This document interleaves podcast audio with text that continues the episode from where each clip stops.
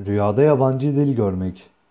Rüyasında yabancı bir dili güzel ve eksiksiz tam olarak konuştuğunu gören kimse benzersiz bir değere, şeref ve mal, mülke kavuşur şeklinde tabir olunur.